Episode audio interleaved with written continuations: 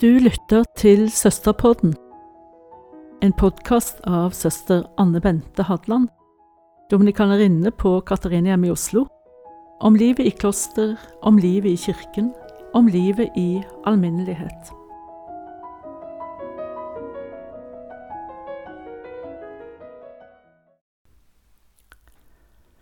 Biografier kan ofte være spennende lesning. Jeg har nettopp avsluttet lesningen av en slik, Peter Sevalds omfattende og detaljerte biografi over Josef Ratzinger, Benedikt den 16. Benedikt den 16. Et liv, heter den.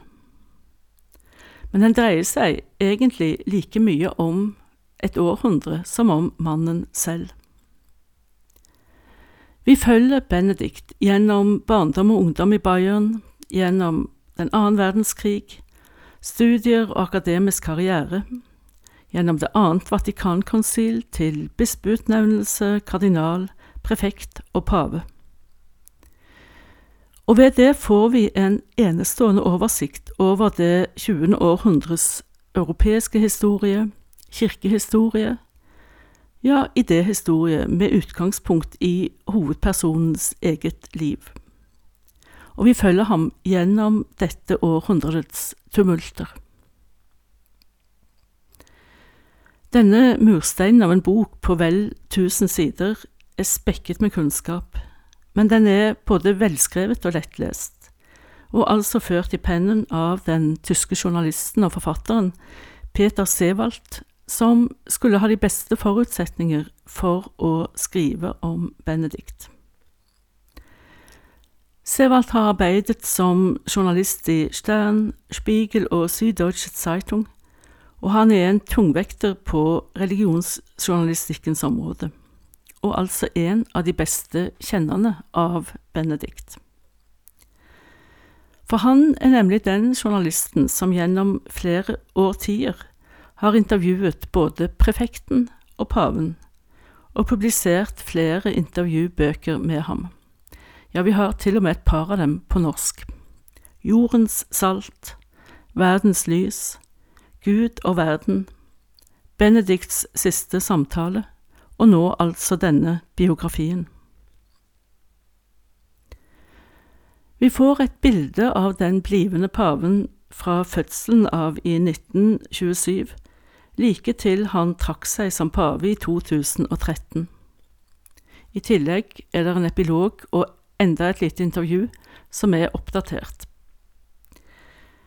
I mer enn halvparten av denne tiden befant Josef Ratzinger Benedikt 16. seg i offentlighetens ofte sterkt kritiske søkelys. Det må i seg selv ha vært litt av et kors for en mann som helt fra barndommen av ble beskrevet som sky og tilbakeholden, ikke robust i det hele tatt, og som hatet alle former for sport. Han var beskjeden, men alltid klar til å hjelpe, sier de om ham. Og han var heller ikke redd for å ta en kamp når den måtte komme. Han kunne ikke annet, sier storebror Georg. Hans vedvarende søken etter sannheten krevde det. Men bøkene, det var det som var hans verden og ikke bare faglitteratur, men også skjønnlitteratur. En av de virkelig gode leseopplevelsene for meg i denne biografien er Bendiks kobling av Herman Hesses Steppenwolf og Augustin. Begge har søkt og kommet til erkjennelse. På seminaret fikk han tilnavnet Bücherratz, Bokrats altså til forskjell fra storebror og medseminarist Georg, som gikk under kallenavnet Orgelratz. Og så skulle det jo også bli teologien og kirkemusikken som satte sitt preg på deres respektive veier. Skritt for skritt føres vi inn i det som danner grunnstenene i hans tenkning. Grunnlaget, ja selve grunnlaget, er Kristus selv.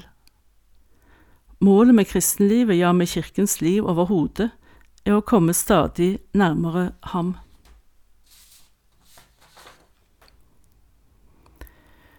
Ratzinger ser en sammenheng i virkelig alt. Ingenting er ekskludert fra hans univers. Ikke smerte, ikke ondskap, ikke korset, som vår verden så gjerne vil være foruten.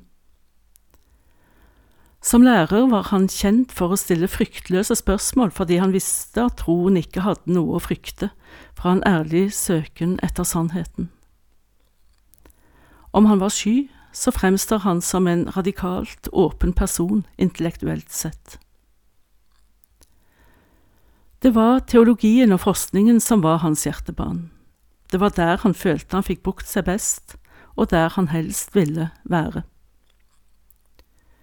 Hele tiden, som biskop, prefekt og pave, ønsket han å trekke seg tilbake til teologisk forskning og forfattervirksomhet. Som prefekt for troskongregasjonen startet han arbeidet med et verk om Jesus fra Nasaret. En enestående kombinasjon av historisk kritisk eksegese og katolsk teologi.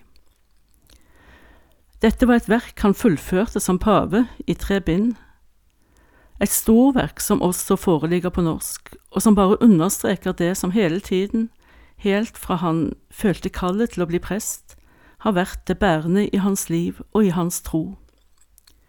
Kristus, verdens frelser, han som kom til verden, og som skal komme tilbake. I dåpen er vi ikke bare blitt rettferdige, men kristne, sier han. Kristen det vil si en bit av Kristus selv. Vi er Kristi fortsettelse inn i vår egen tid. I oss går Kristus rundt i gatene, i oss lever han videre gjennom århundrene. Men vi kan ikke innfri dette når vi ikke kjenner ham, sier han også. Det slo meg da jeg leste dette at det var derfor det var så maktpåliggende for ham å skrive denne Jesus-biografien. Så ved siden av evangeliene så har vi altså her en utmerket introduksjon til Jesu liv og lære.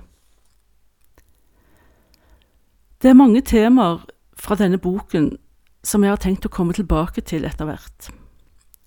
Henri de Libac, for eksempel, en av de store teologene som hadde avgjørende innflytelse på ham. Det annet Vatikankonsil, hvor hvor han spilte en mye større rolle enn jeg var klar over. Forholdet til Hans Kyng Regensbuktalen. I det hele tatt, stoff nok fra mange omganger. Jeg kommer tilbake.